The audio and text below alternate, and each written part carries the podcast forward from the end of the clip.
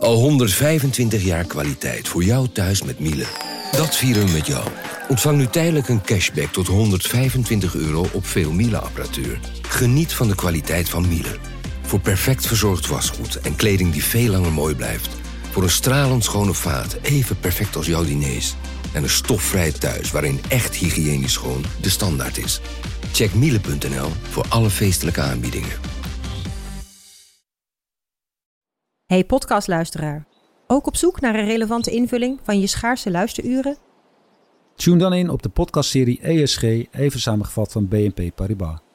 Wij, Marloes en Aldert, spreken daar duurzame voorlopers en wereldverbeteraars. Waarover dan? Nou, bijvoorbeeld of we ooit duurzaam kunnen gaan vliegen. En waarom koeien in de stad nou een goed idee is? Dat en meer elke twee weken in een nieuwe aflevering. Dus abonneer je. ESG, even samengevat.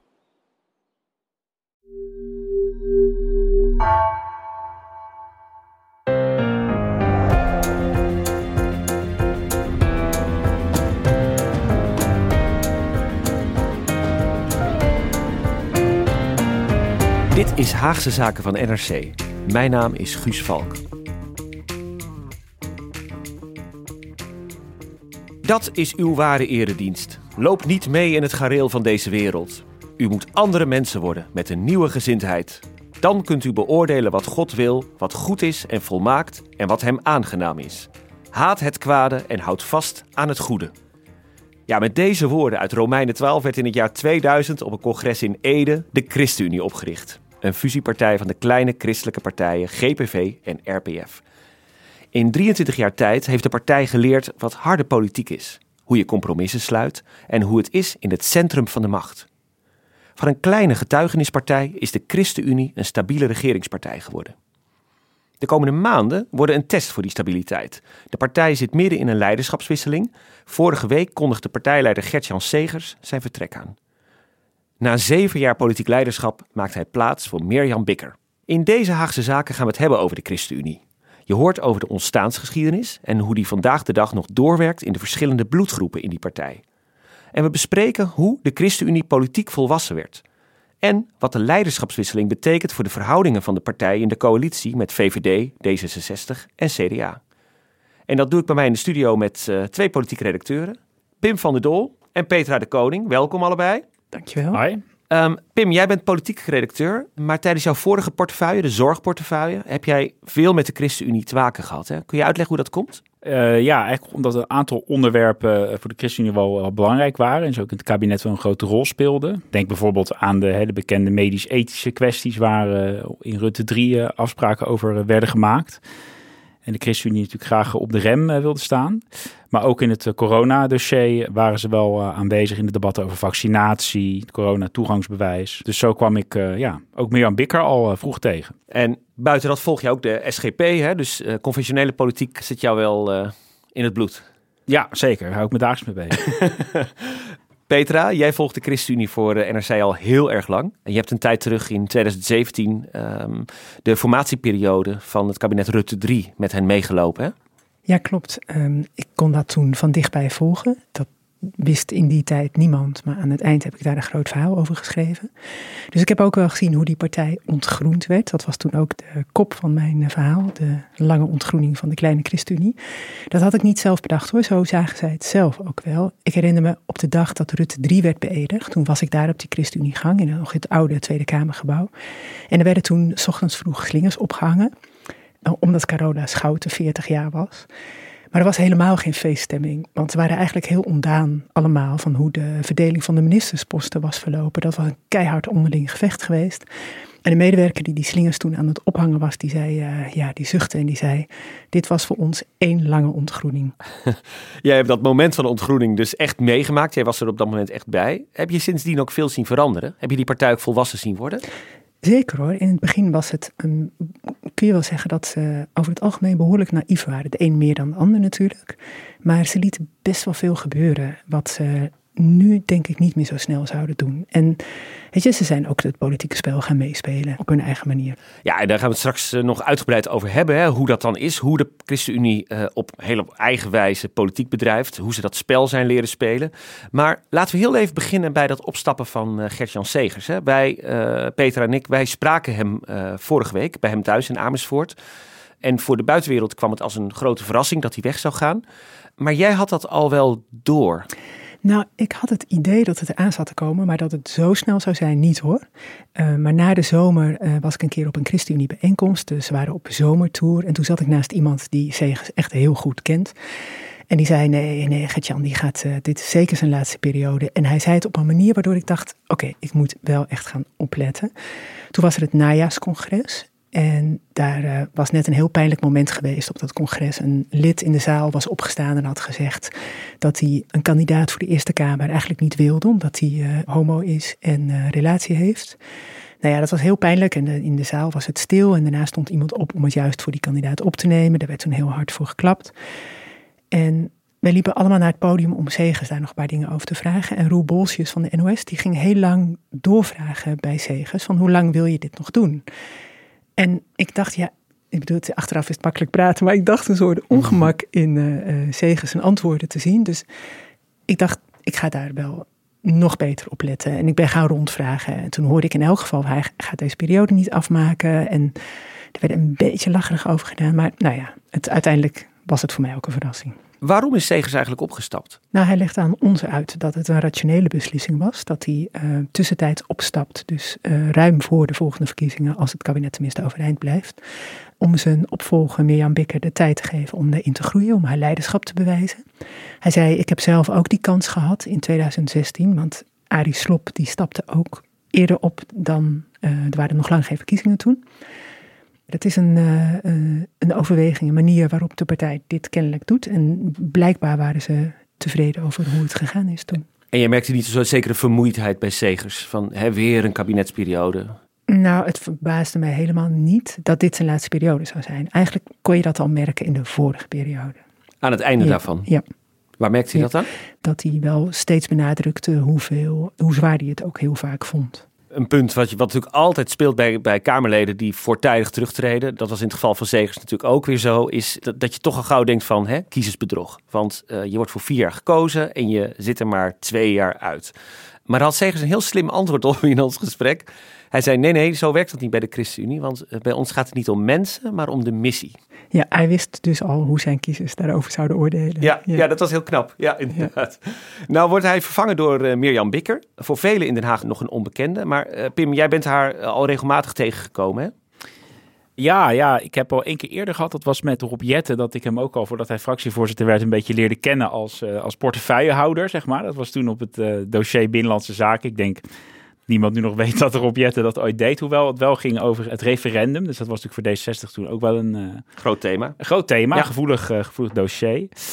Ja, en, en zo ging het nu een beetje met, met Mirjam Bikker ook bij de, bij de ChristenUnie. Ze zat natuurlijk eerst in de, in de Eerste Kamer. Nou, daar val je natuurlijk al helemaal voor het grote publiek niet op.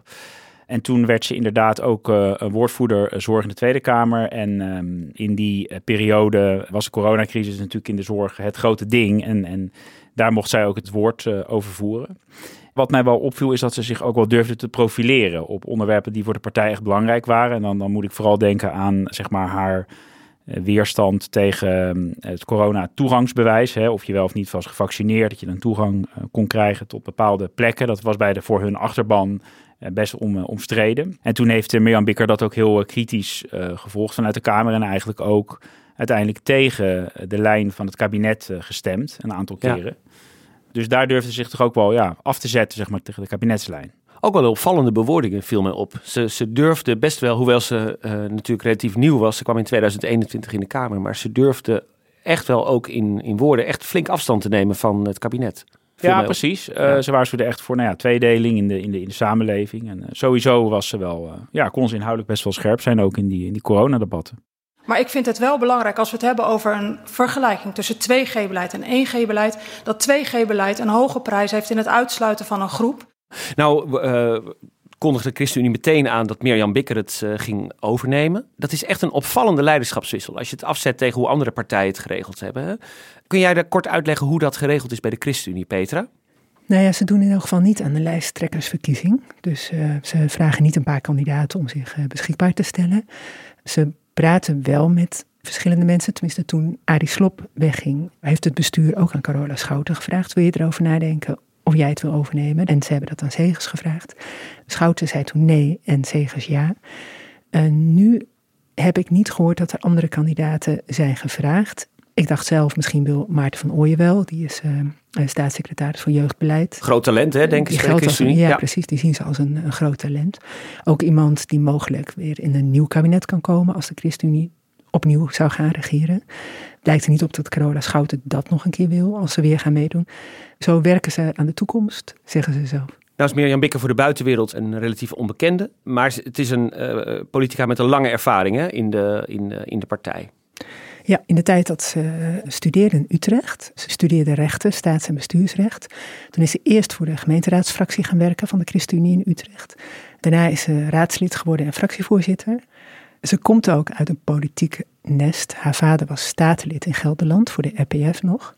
Dus ze is er echt wel in opgegroeid. Ze is medewerker geweest voor de Tweede Kamerfractie van de ChristenUnie. Ze is Eerste Kamerlid geweest en daar fractievoorzitter van geworden van de Eerste Kamer. Ze heeft een hele lange carrière in de, in de ChristenUnie. Oh. En haar doorbraak misschien was het congres van de ChristenUnie in 2019. Hè? Daar hield zij een bevlogen verhaal. Maar het allermooiste van die plenaire zaal in de Eerste Kamer is eigenlijk het plafond. Helemaal beschilderd. En in het midden wordt er op de senatoren neergekeken. Door kinderen. De kindertjes van staat. En daarmee staat boven elke vergaderdag, boven elk debat, boven elke stemming een belangrijke vraag. Voor welke toekomst kiezen jullie? Wat geven jullie door aan de kinderen van dit land? Ik vind het echt de meest fascinerende illustratie die je maar kan hebben.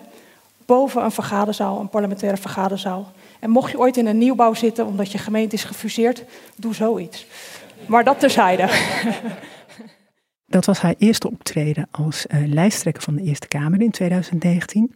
En ze wist heel goed, je kan maar één keer een eerste indruk maken. Dus ze had, haar, uh, ze had dat goed voorbereid. Haar verhaal ging dan over dat 17e eeuwse plafond in de Eerste Kamer, waar de kinderen van staat naar beneden kijken. En zij hing haar hele verhaal op aan die kinderen. En uh, ondertussen bedankte ze ook iedereen en zo. En wat best een beetje onhandig overkwam, was dat ze zelf heel hard in de microfoon ging klappen voor die mensen. Maar dat, ja, dat had ook wel iets menselijks. Maar ze hield een verhaal van een kwartier helemaal uit haar hoofd. En het maakte op de partijtop en ook op de mensen daar in de zaal heel veel indruk. Ze dachten van, hier staat iemand. Dit zou wel eens de volgende leider kunnen zijn van de ChristenUnie. Vroeg me wel af, hè, hoe valt zoiets nou in de partij zelf? Zeger stapt op en zegt, hier is mijn opvolger.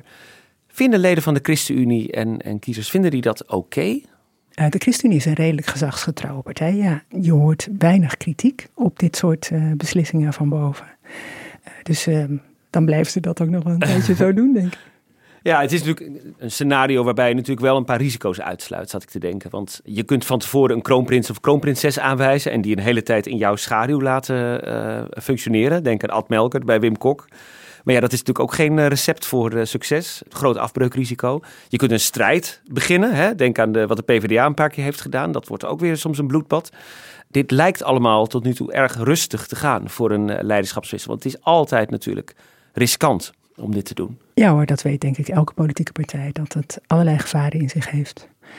Maar het is wel zo dat Mirjam Bikker al een tijdje werd gezien als mogelijke opvolger. Maar toch heeft ze nooit dat kroonprinsen, prinsessen imago gekregen. Dat is wel, uh, misschien komt dat wel omdat wij dachten, zegers die uh, zitten voorlopig wel en dat niemand heel veel aandacht eraan is gaan besteden.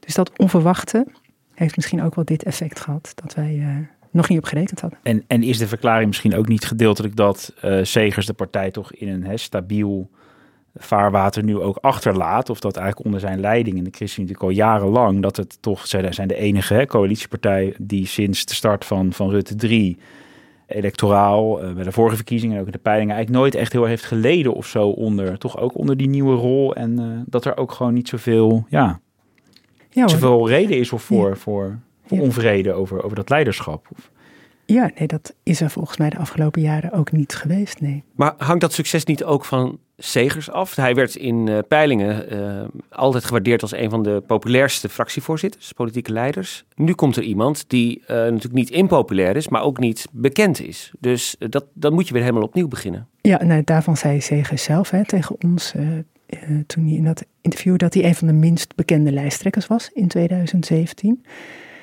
dat het toch goed gegaan is, dat zei hij niet. Maar daar komt het wel op neer. Weet je, dat, dat kan dus wel. En hij zegt, zij heeft nu de tijd tot aan de volgende verkiezingen om te laten zien wie ze is en wat ze kan.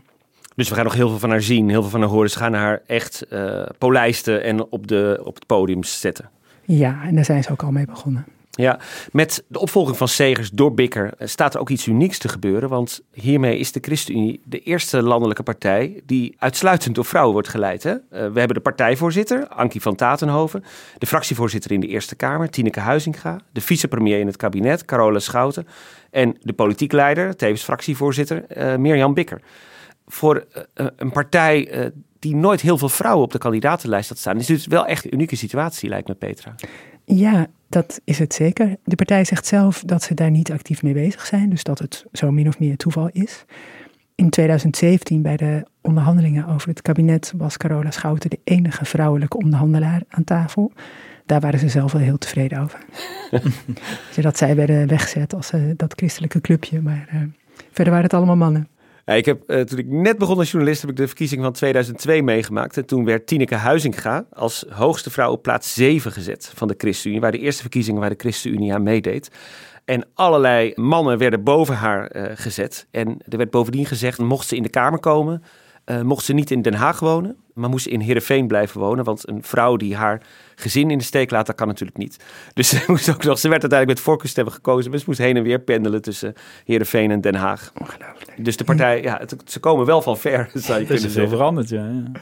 En dit is mij even om aan te geven dat de ChristenUnie wel in een paar decennia natuurlijk een enorme ontwikkeling heeft doorgemaakt. Hè? Want laten we heel even naar het begin van deze uh, partij teruggaan. Het jaar 2000 uh, noemde ik net al even, want het is echt nog een jonge partij, hè, Pim?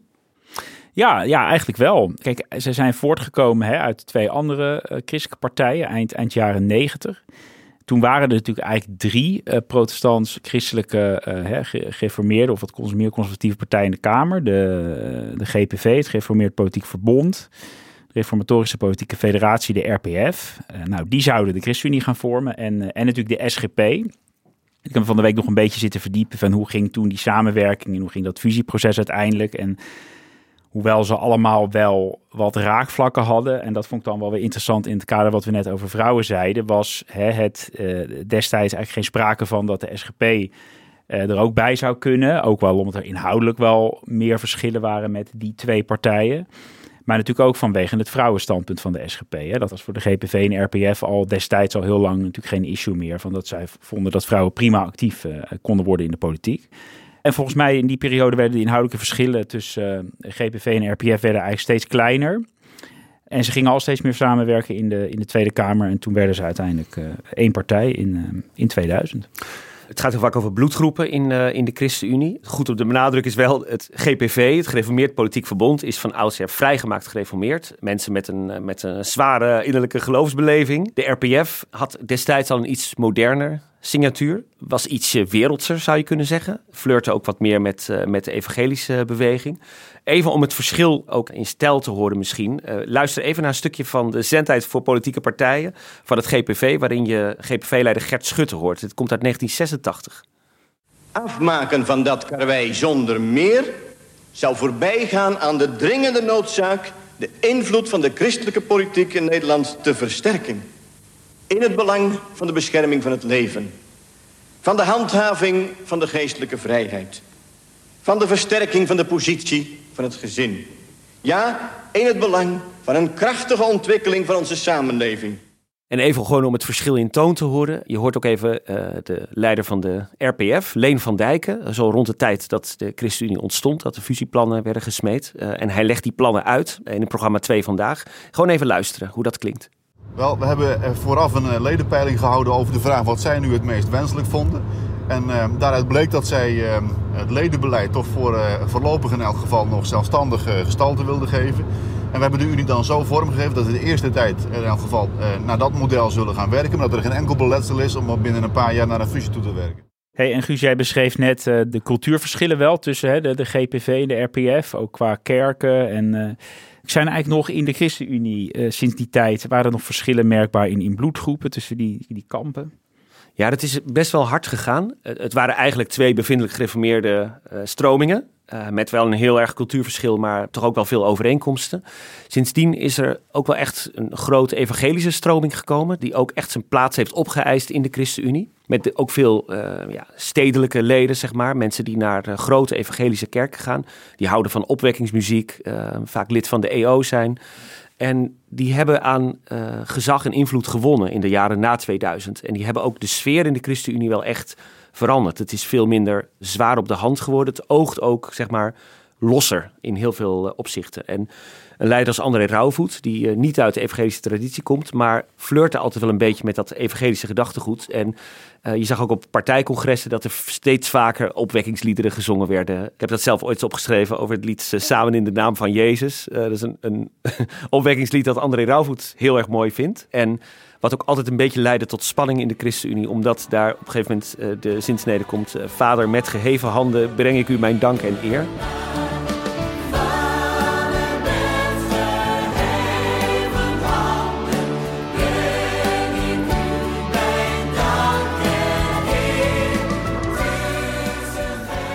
Dat vonden die bevindelijken een beetje te, te, evangelisch. Dat, daar hadden ze een beetje een hekel aan.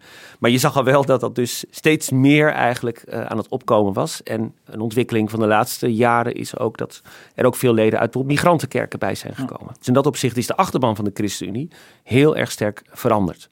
En dat zie je gewoon terug op bijeenkomsten van de partij.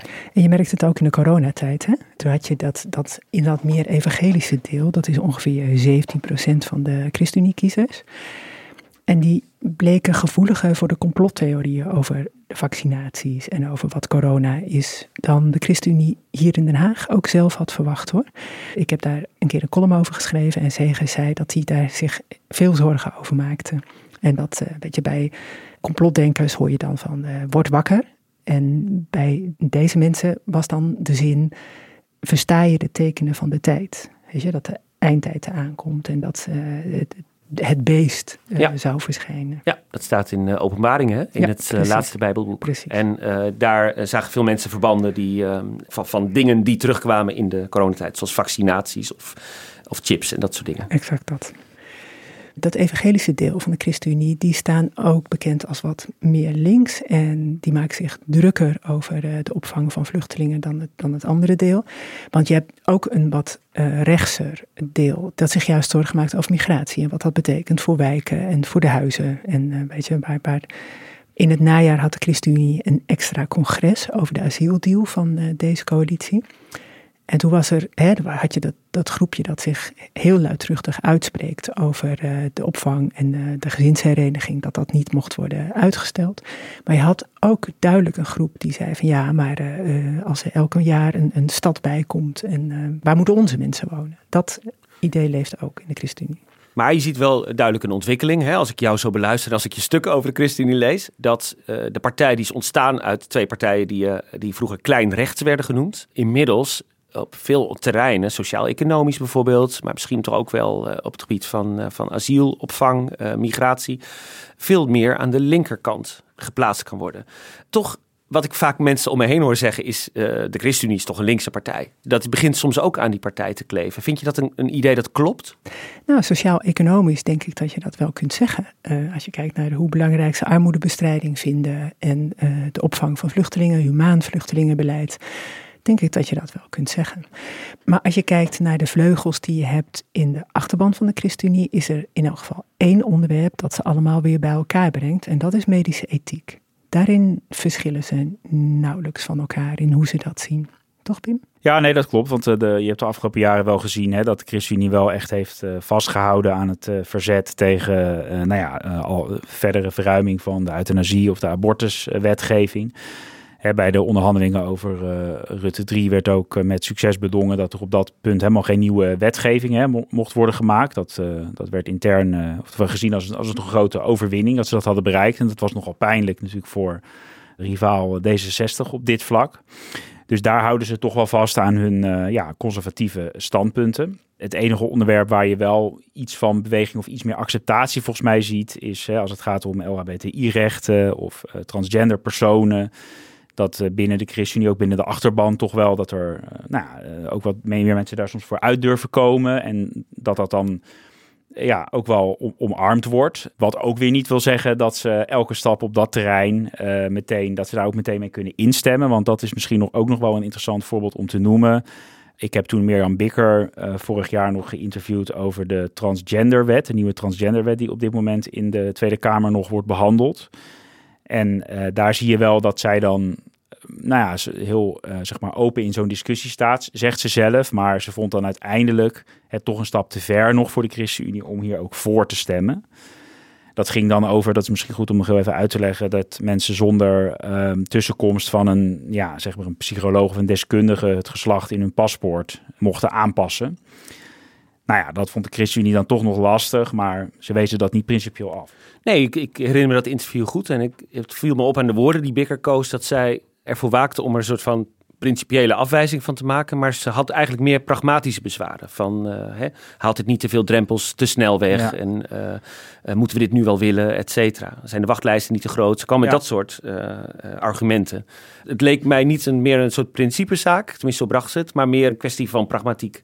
Ja, dat klopt. Ze kwam echt met inhoudelijke tegenwerpingen van... Hè, de transgenderzorg is niet voldoende op orde. Dat moeten we eerst, daar moeten we eerst in investeren voordat je die drempels weghaalt, inderdaad. Dus, uh, nou, en ze had ook wel echt oog voor die, dat viel me ook op in dat gesprek, wel echt oog voor de mensen die dit betreft en die met die, uh, met die wens uh, lopen om dat te veranderen. Daar, daar, daar kon ze wel heel goed inkomen. Die, die mensen wilden ze ook wel graag horen en zien. Zeg maar. Ja. Leeft dat in de partij ook? Is daar intern ook uh, discussie over? Omdat er misschien in de partij ook mensen rondlopen die er in hun privé situatie ook mee te maken hebben?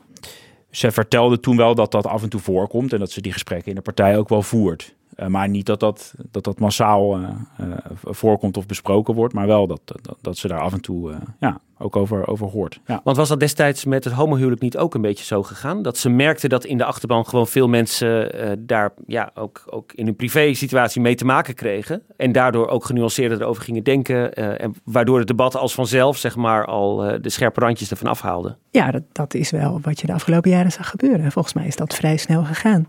En het voorbeeld vond ik wel hè, wat er gebeurde op dat najaarscongres. Dat um, uh, deze meneer met zijn bezwaren tegen een Kamerlid dat een homoseksuele relatie heeft, die kreeg geen bijval. Hij kreeg geen steun.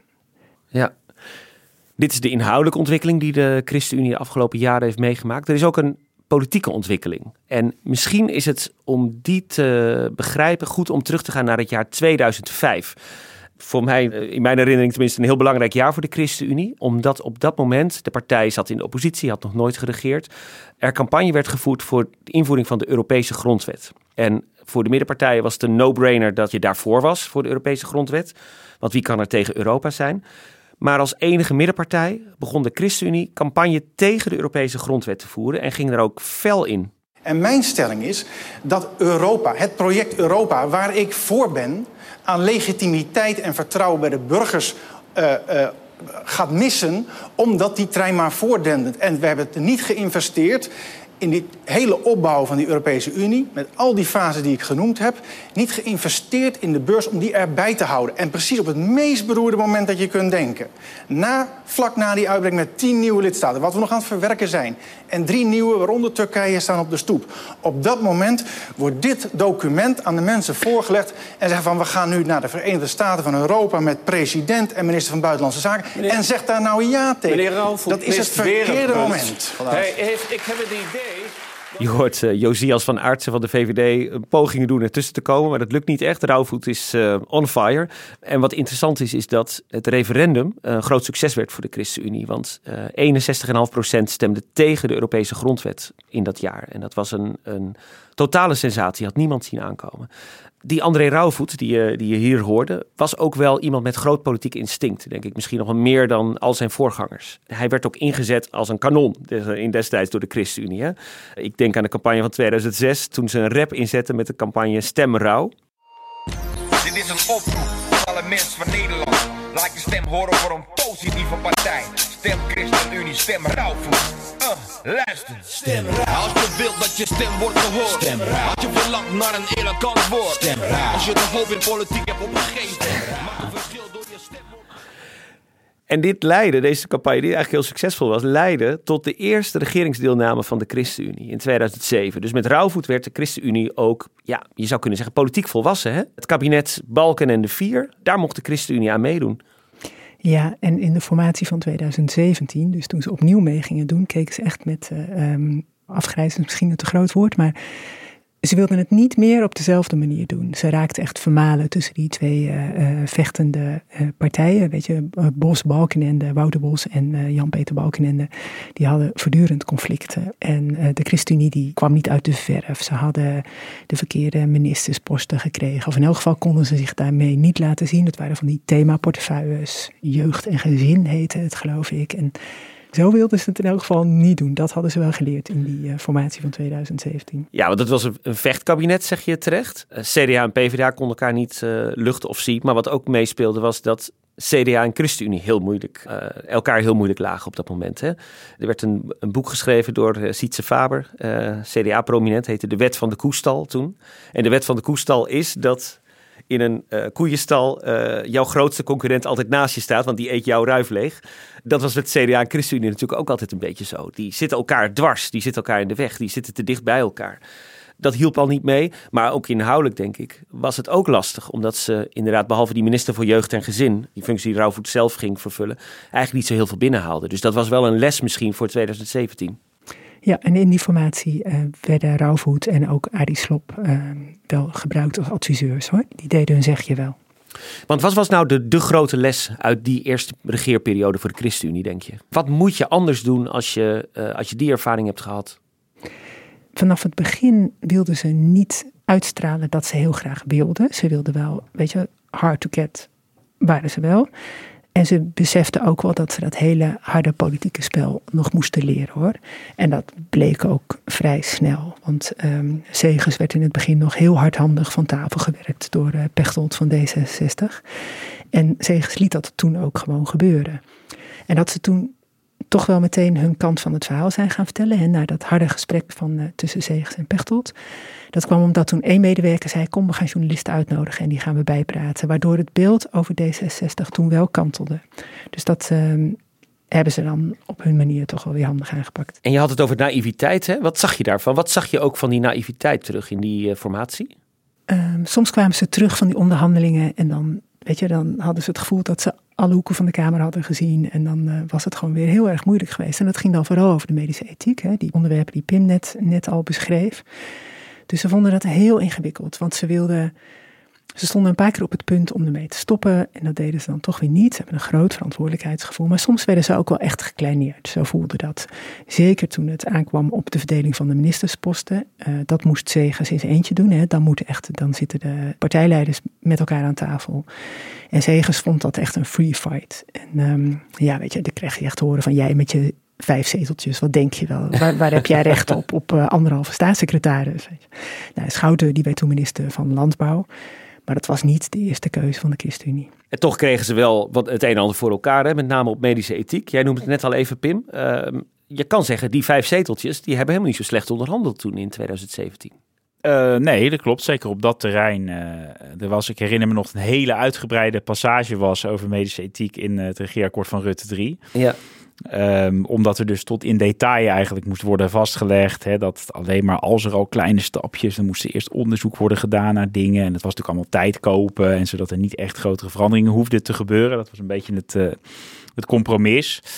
Ze wisten toen met succes hè, de, ook tegen te houden dat de voltooid levenwet van D66 uh, naar de, überhaupt naar de Tweede Kamer zou, zou kunnen komen.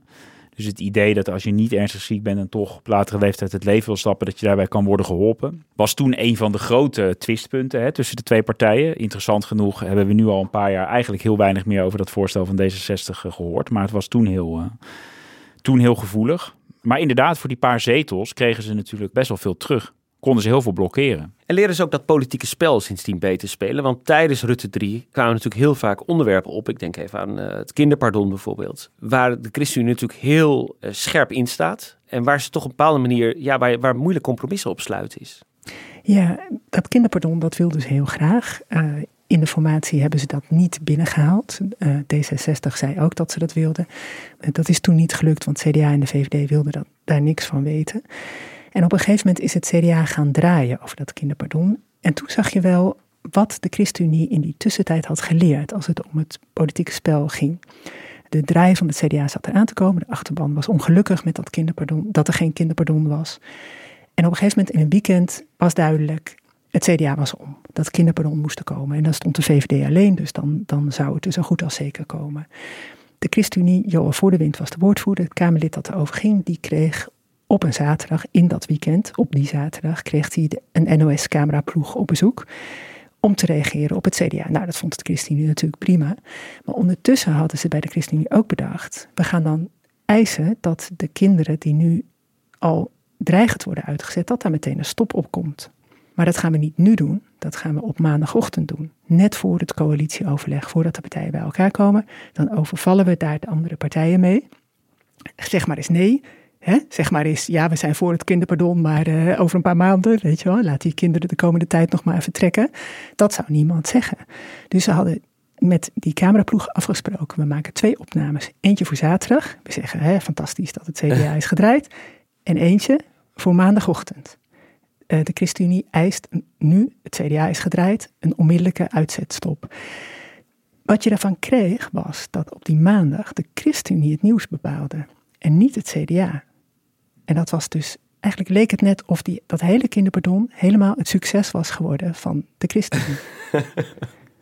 Ongekend handig. Ongekend handig, inderdaad. Ja. Maar wat ik, wat ik hier zo interessant aan vind, is dat de ChristenUnie toch vaak de partij is hè, in de beeldvorming, maar misschien werken wij ook aan de beeldvorming mee, maar in ieder geval de partij is die, die niet van politiek spel houdt. Hè. Die zijn er eigenlijk te integer voor. Die zijn eigenlijk, voelen zich daar een beetje te goed voor. Dat, dat is meer iets voor Alexander Pechtold of zo. Hè? Dat, uh, ik, dat zei uh, Segers ook nog in dit interview dat wij met hem hadden. Hij noemde de sfeer tijdens de formatie in 2017 corporaal. Hè? En daar had hij niks mee.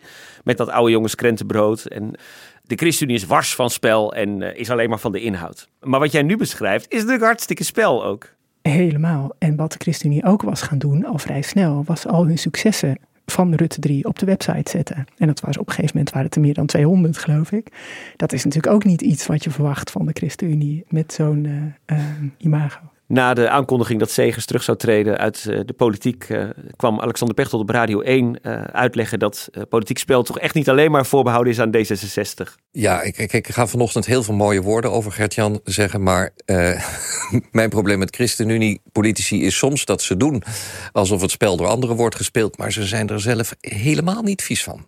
Dat is ook zo. Daar heeft Pechtold volgens mij gewoon een punt. Maar het is ook deel van de, van de succesformule van de ChristenUnie, is natuurlijk hun integere uitstraling. Is dat niet ook de reden dat ze het in die onderzoek van INO Research bijvoorbeeld altijd heel erg goed doen? De, de individuele politici worden altijd hoog gewaardeerd. Zoals Segers, zoals Carola Schouten. Ja, zeker. Je ziet de afgelopen jaren dat, hè, dat het vertrouwen in politici enorm afneemt. Maar uh, zij hebben daar veel minder onder te lijden. Ja, en iets wat ook heel erg aan uh, politici van de ChristenUnie kleeft, denk ik, is dat zij zo goed zijn in openlijk worstelen met dingen, met problemen.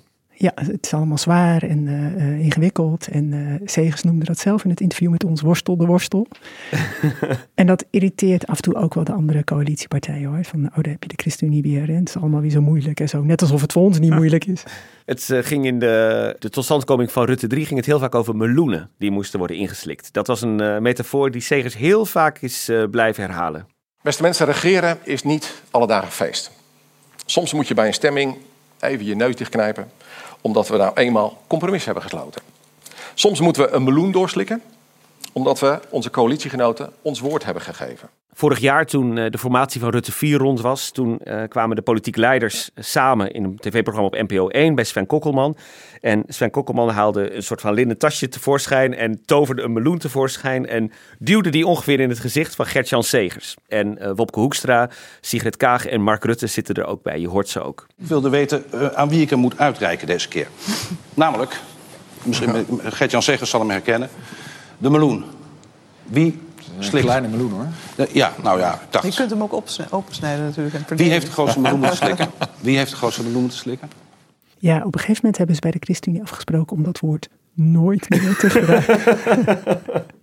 En eh, wat was nou de grootste meloen? De, de, de dividendbelasting? Of wat, wat, bedoelde Segers daar nou in het begin Ja, mee? dat ging toen vooral over het afschaffen van de dividendbelasting. Dat openlijk worstelen van Rutte 3, hè? zie je dat nu ook weer terug in Rutte 4?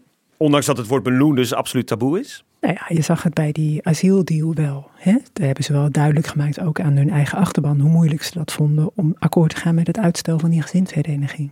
Dus ja hoor, dat blijven ze volgens mij gewoon doen. En hoe zit dat met medische ethiek? Nou, eh, dit kabinet is het wel een groot verschil met het vorige kabinet. Want in het coalitieakkoord van Rutte 4 eh, stonden eigenlijk wel hele andere afspraken over medische ethiek. Namelijk dat alle eh, voorstellen eh, vanuit de Tweede Kamer, bijna alle voorstellen, nu gewoon mochten worden ingediend. Hè, die er ook nog lagen. Die eigenlijk op behandeling lagen te wachten. En dat het vrije kwesties zouden worden waarmee eh, de ChristenUnie ze dus niet meer vanuit het kabinet kon blokkeren. En dat heeft er afgelopen jaar toe geleid dat op twee punten de, de abortuswet nu is veranderd. Voor de eerste keer sinds de jaren tachtig. De verplichte wettelijke de bedenktijd van vijf dagen is uit de wet verdwenen. De abortuspil kan ook via de huisarts eh, volgend jaar worden verstrekt.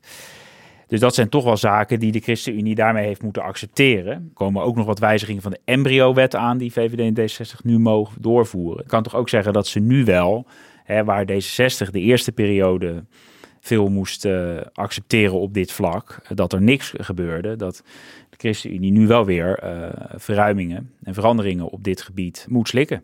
Ja, bij de ChristenUnie was tijdens de eh, formatie van Rutte 4 ook wel het besef dat ze dat niet konden blijven tegenhouden met hun vijf zetels. Dat hebben ze inderdaad eh, toegegeven. Ehm, bij de Voltooid Levenwet hebben ze wel heel erg duidelijk gemaakt. Hè? Dat willen we niet, gaan we nooit uitvoeren als wij in het kabinet zitten. Wat wel opvallend was, Pim, bij die dingen die jij noemt, hè, die ze dus hebben toegegeven, dat ze hun achterban is daar niet over in opstand gekomen. Die hebben dat eh, redelijk rustig geaccepteerd. Eigenlijk ook wel tot hun eigen verrassing, hoorde ik bij de ChristenUnie. Ja. En het is dus interessant, eh, ik noemde Volt het leven eerder al heel even, maar dat probleem, ja, dat is niet helemaal weg, maar heeft zichzelf nog nu een soort van opgelost, omdat D66 hè, dat daar eigenlijk niet meer, lijkt niet meer zo goed lijkt aan te durven om dat voorstel nog door te zetten. Er is ook een eh, nou ja, vrij vernietigend advies van de Raad van State openbaar geworden. Dat toch heel veel bezwaren zijn tegen de wet zoals ze die gemaakt hebben. Dus eh, ja, dat, daarmee is dat voorlopig nu in deze coalitie ook even een, een minder, eh, minder heet hangijzer. Je kan zeggen, hè, Rutte 3 was de coalitie van eh, de veelgenoemde meloenen. Hè, van het moeilijk en hoe, hoe lastig het is om dingen toe te geven. Maar als je gewoon sec naast elkaar legt, zou je in ieder geval op dit onderwerp kunnen zeggen... in Rutte 3 kregen ze meer voor elkaar dan in Rutte 4. Ja, dat, dat is zeker waar. Ja. Ehm, nog even over dit kabinet. Hè. Als we het hebben over Rutte 4, het kabinet waar ze nu in zitten. Gert-Jan Segers gaf in het interview een paar keer hints dat hij vond dat de verhoudingen in Rutte 4 anders waren dan in Rutte 3. Hoewel het precies dezelfde partijen zijn, deels dezelfde mensen, natuurlijk niet helemaal. Maar hij vond het zakelijker, eh, Rutte 4. Hij vond het ja, iets minder oude jongens krentenbrood. Kun je positief uitleggen of negatief. Maar ik meen uit zijn woorden niet op te maken dat het er allemaal heel erg hartelijk eh, aan toe ging. En Segers heeft natuurlijk ook in de aanloop naar Rutte 4 een eh, flinke politieke gok genomen door, eh, door Rutte uit te sluiten als coalitiepartner aanvankelijk en daar weer op terug te komen. Maar je kreeg een beetje het gevoel dat, dat het net niet helemaal lekker zat op een of andere manier. Denk je dat het terugtreden van Segers, Petra, gevolgen heeft voor de verhoudingen in deze coalitie? Ja, je weet dat natuurlijk nooit zeker, maar in Rutte 3 hadden ze dat coalitieoverleg en zaten ze nog veel meer bij elkaar op schoot. Ja, dus ze- elke week op maandag bij elkaar Precies. komen Ja, praten. Met de top van, de, van het kabinet en de, en de coalitie. Eh, alles overleggen, alles eh, eh, bedenken wat ze die week zou kunnen spelen en wat er in het weekend was gebeurd. En dat het kabinet hoeft alleen nog maar te tekenen bij het kruisje. Dat coalitieoverleg is er dus niet meer op maandag, maar op dinsdagmiddag komen de fractievoorzitters van de coalitiepartijen wel altijd bij elkaar op de VVD-gang in de Kamer van Sofie Hermans. Die gaan redelijk goed met elkaar overweg, wat we daarvan horen. Ehm, ik denk dat Mirjam Bikker daar ehm, goed zal inpassen. Ik verwacht daar eigenlijk geen problemen van. Maar hoe het verder gaat, de omgang tussen de coalitie en het kabinet, daar zitten de politieke leiders van de VVD en het CDA en D66. Dat zullen we de komende tijd moeten zien. Ja, want dat is echt uniek aan de ChristenUnie hè, in deze coalitie. Dat de politieke leider, hè, net als Frits Bolkestein vroeger bij de VVD, beroemd voorbeeld, eh, in de Tweede Kamer zit en niet in het kabinet. Waarbij het dus zo is dat als de fractievoorzitters met elkaar praten met z'n vieren, er dus één politiek leider is en drie fractievoorzitters. Precies. Nou noemde je al even Mirjam Bikker, hè, wat net al even kort over haar gehad. Maar jij hebt haar geportretteerd afgelopen week. Wat viel je aan haar op? Ook wat andere mensen over haar zeiden. Nou, heel veel mensen die benadrukken hoe groot haar empathisch vermogen is. En dat begrijp ik wel hoor. Als je met haar praat, dan merk je dat ze net wat meer tijd neemt om zich te verplaatsen in jou en, en even te bedenken hoe iets voor jou is. Je krijgt niet het idee dat ze daar op uit is, dat het een trucje is. Dus dat doet ze heel uh, op een natuurlijke manier. Dat neemt, daarmee neemt ze heel veel mensen voor zich in. Dat zeggen mensen ook, dat, dat zie je ook gebeuren. Nou, wat ze ook nog wel aan zich, uh, achter zich aan heeft uh, hangen, is het idee dat ze een beetje preuts is. Dat deel van haar imago heeft ze opgebouwd in Utrecht in 2007. Toen was ze fractievoorzitter in de gemeenteraad voor de ChristenUnie. En toen werd daar een enorm groot geveldoek opgehangen met een vrouw daarop in een gouden bikini. En zij verzette zich daar heel fel tegen. Ze vond dat dat niet moest, dat je daarmee vrouwen tot een lustobject maakte. En daar werd ze enorm om uitgelachen. Er werden grappen over gemaakt, ze werden echt weggehoond. Zij koppelde dat aan de prostitutie, de gedwongen prostitutie, waar ze zich heel erg tegen verzette in Utrecht. En dat is uiteindelijk ook, langs het zandpad was dat in Utrecht, dat is daar ook verdwenen. Dus dat heeft ze wel mede voor elkaar gekregen. Nou werd ze deze week eigenlijk aan het grote publiek gepresenteerd. In een toch wel heel opvallend filmpje vond ik dat de ChristenUnie op alle sociale mediakanalen uh, plaatste. Je zag Mirjam Bikker aan een uh, beetje rommelige ontbijttafel zitten, allemaal uh, bordjes, maar het gezin was kennelijk iets, al iets anders aan het doen. En zij zat er nog met een bloknoot en een pen en zij ging een brief aan Nederland schrijven. Goedemorgen Nederland. Misschien begin je de dag net als ik, aan een keukentafel zoals deze. Hier praten we over wat ons bezighoudt. We voelen er hoe groot de invloed van politieke keuzes op ons leven is. Vaak maakte Den Haag ik-gerichte keuzes voor de korte termijn. Groen moest wijken voor grenzeloze groei. Samen leven werd steeds meer ieder voor zich. Ja, die brief aan Nederland is een, uh, is een bekende volgens mij. Wat denk jij? Ja, dat uh, lijkt wel of ze dat een beetje heeft afgekeken van uh, premier Rutte, die ook uh, vooral in, in, verkiezingscampagnes allerlei brieven aan Nederland schrijft. het vaasje. Ja, oh, het vaasje. Ja, ja, ja. Nee, brieven. Dat... Hij komt de hele tijd met brieven aan Nederland. Ja, ja nee, ja. maar de, de, ene brief ging toen over dat Nederland was een, oh, ja. zo'n breekbaar een vaasje. Breekbaar vaasje. Maar goed, het was wel duidelijk dat, dat, dat, dat Bikker ook uh, nou ja, een soort in de markt gezet moest worden met, met deze campagne en deze brief. En uh, nou, het ideaalbeeld van uh, het gezin aan de keukentafel, dat, dat past denk ik wel bij de ChristenUnie. En je ziet ook dat ze aan de imago werken. Hè? Er zijn nieuwe foto's gemaakt, de haar is een beetje anders, ze is opgemaakt, ze draagt lippenstift. Dus we zullen waarschijnlijk ook de komende tijd zien dat ze er anders uit gaat zien. Dat ze, ja, dat ze aan daaraan ook aan haar uiterlijk vertoon wordt gewerkt. En ik, ik, beschreef dat ook in het portret dat ik voor haar maakte afgelopen week. En dan, toen kregen we ook een, een lezersbrief en iemand, iemand zei van, zou je dat bij mannen nou ook zo beschrijven? Maar ja, dat doen we ook. Hè. We hebben ook uh, beschreven, ik heb ook beschreven hoe Rutte's imago en hoe Rutte aan zijn uiterlijk heeft gewerkt. Hoe die andere pakken is gaan dragen en uh, weet je, ander haar nam en een andere bril en uh, zijn moedervlekken liet wegwerken. Dus dat hebben we, dat doen wij ook bij mannen. Waarvan akte? Um... Wat verwachten jullie van Mirjam Bikker en waar gaan jullie op letten? Nou, ik ben wel benieuwd hoe ze zich in de fractievoorzittersdebatten uh, uiteindelijk staande gaat, gaat houden. He, ze stond al bekend als een echt een goede inhoudelijke debater, maar in die grote fractievoorzittersdebatten gaat het natuurlijk ook iets meer om, nou ja, hoe hou je uh, politiek staande, ook tegen nog hardere aanvallen wellicht van, van andere fractievoorzitters. Dus daar ben ik eigenlijk wel, wel heel benieuwd naar. Of ze dat ja, net zo makkelijk doet als, als Segers, die daar toch wel een goed, goed imago op had. Ja, en ik ben benieuwd wat het voor de coalitie gaat betekenen. Dank jullie wel, Petra de Koning en uh, Pim van der Doel. En jij weer bedankt voor het luisteren. Redactie en productie van deze aflevering waren in handen van Iris Verhulsdonk en Vita van Lennep. De montage door Pieter Bakker. We zijn weer terug van reces, dus volgende week weer in de podcastfeed met een nieuwe aflevering. Tot dan!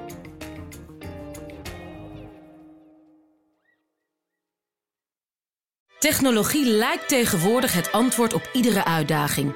Bij PwC zien we dit anders. Als we de potentie van technologie willen benutten, kunnen we niet zonder een menselijk perspectief. Human-led, tech-powered noemen we dat. Ga naar pwc.nl.